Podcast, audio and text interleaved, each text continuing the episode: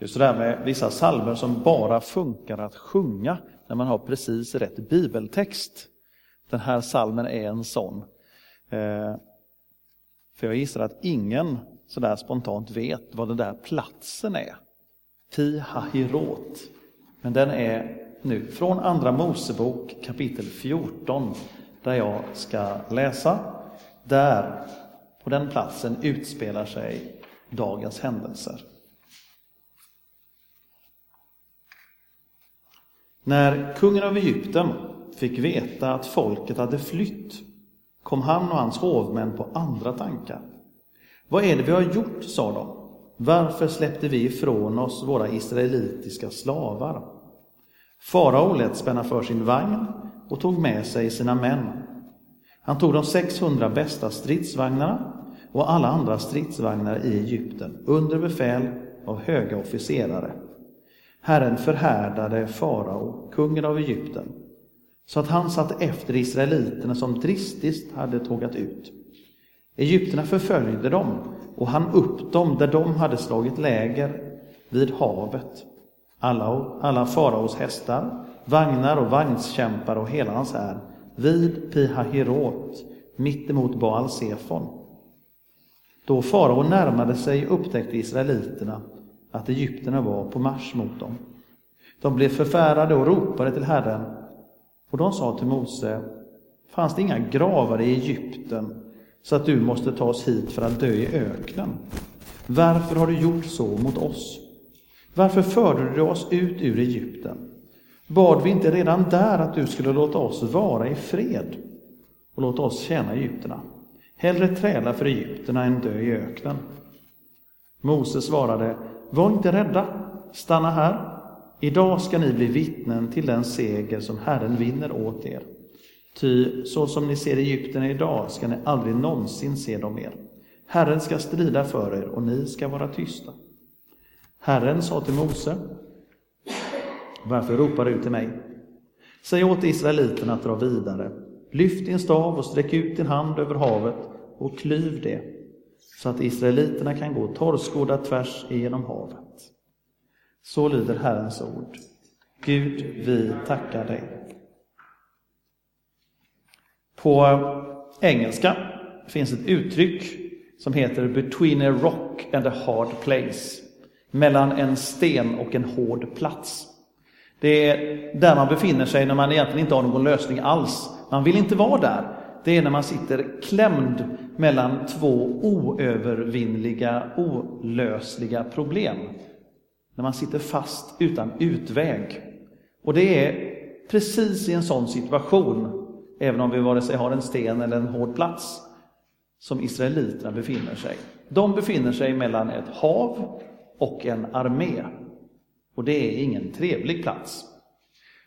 De trodde ju egentligen att det var rätt så bra. Det var ju så de kände det. De hade kommit ut ur slaveriet och påbörjat vandringen mot frihet. De hade varit slavar i Egypten. Mose hade slutligen vunnit över farao med Guds hjälp. Och så är de på väg. Och när de i sin första förhoppning tror att de kommit till en rastplats inser de att de sitter egentligen fast i en olöslig situation. De kan inte gå framåt för där är havet och farao kommer efter dem med armén. Och i det läget, ja vad gör vi då? När vi befinner oss på det sättet. När vi liksom tänkt att nu är allting bra, nu är vi på väg, det kommer att bli som vi har tänkt oss. Och så är det inte det. Vi sitter fast utan utväg. Det som vi hade hoppats skulle vara en framgång kan istället bli en undergång. För det är ju där som Israels folk befinner sig, på den där platsen då, Pi Hahirot, på stranden till Röda havet, men de kommer ingenstans. Och så säger de någonting som är rätt intressant. De börjar nämligen klaga på Mose och säger att men det hade ju varit bättre om vi varit kvar. Varför har du befriat oss ur slaveriet? Vi kunde ha varit kvar i Egypten, vi kunde ha fortsatt vara slavar. Det är ju ändå bättre att vara det. Och det är väl egentligen en viktig fråga att ställa sig. Är det det? Vad är det värt att vi lever fria och gör det som är rätt inför Gud? Eller är det så att bekvämligheten, om någon annan tvingar oss att göra fel, är det som vi i så fall skulle välja? Och nu börjar trosvissheten att tveka. Kanske hade det varit bättre att, att göra fel. Kanske det hade varit bättre att vara en slav under en elak härskare som tvingar oss att göra det vi inte vill. Så börjar de tveka. Det finns ett ordspråk på svenska som heter Bättre lys till den sträng som brast än att aldrig spänna en båge. Alltså det är bättre att försöka än att aldrig våga. Det är bättre att misslyckas om det ändå är så att vi har försökt. Men den frimodigheten, ibland så vågar vi inte känna den. Ibland har vi det som israeliterna här i texten, att när vi inte kommer loss i livet, när det verkar omöjligt, då vill vi ge upp. Så Mose får uppmuntra folket att våga i alla fall. Sen så går Mose och klagar hos Gud. Det kan ju vara ledarens uppgift, Moses situation där. Han har ett ansvar för folket så han, han vågar frimodigt säga Gud kommer att hjälpa er. Sådana behöver vi vara mot vår omgivning när vi vill uppmuntra och hjälpa och leda människor. Sen kan vi i bönen få vara väldigt ärliga och beklaga oss inför Gud. Så pass mycket faktiskt att Gud undrar varför ropar du till mig? Varför klagar du? Men Gud kommer ju med ett svar. Och egentligen så är det ju så här att i livet kan det vara sånt. Att i första steget så kallar Gud oss ut ur någonting. Så att han vill att vi är på väg någonstans i livet. Han kallar oss ut att göra det som är hans vilja. Sen så är det så att Gud låter oss hamna i en utmaning, det är ju steg två. Där israeliterna befann sig, där vi är ibland.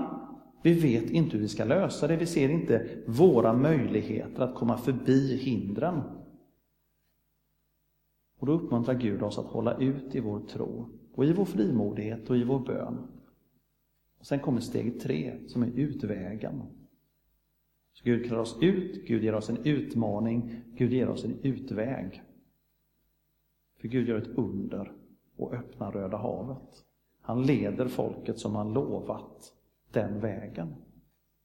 Och där kan ju vi fundera på, när vi överför det här till oss, vilka hinder har vi i våra liv? Vad är det som skrämmer oss och gör att vi nästan ger upp? Tar vi med det nu till Gud och ber att han hjälper oss och visar en väg framåt. Så att vi inte ger upp, utan behåller tron. Tänk om vi ett ögonblick skulle få göra så. Att vi tar alla de där omöjliga situationerna i vårt liv och lämnar dem till Gud och säger att nu Gud har du kallat oss hit och här står vi och vi kommer ingenstans men du har en lösning. Och så får Gud vara den som ger den lösningen och vägen. Så kallar han oss vidare att vandra med honom. Så vi får vända oss till Gud i vår syndabekännelse nu. Och då bekänner vi inte hindren, för de har inte vi orsakat. Men vi kan få bekänna att vi har gett upp. Vi kan få bekänna att vi inte orkat hålla ut i vår tro och i vår bön och i vår frimodighet. Så kommer Gud med en förlåtelse. Så kommer Gud med frälsningen genom Jesus. Och så får vi, när vi nu blivit förlåtna då, alldeles snart, vandra vidare med Gud på den väg som han öppnar för oss. Låt oss nu tillsammans be och bekänna.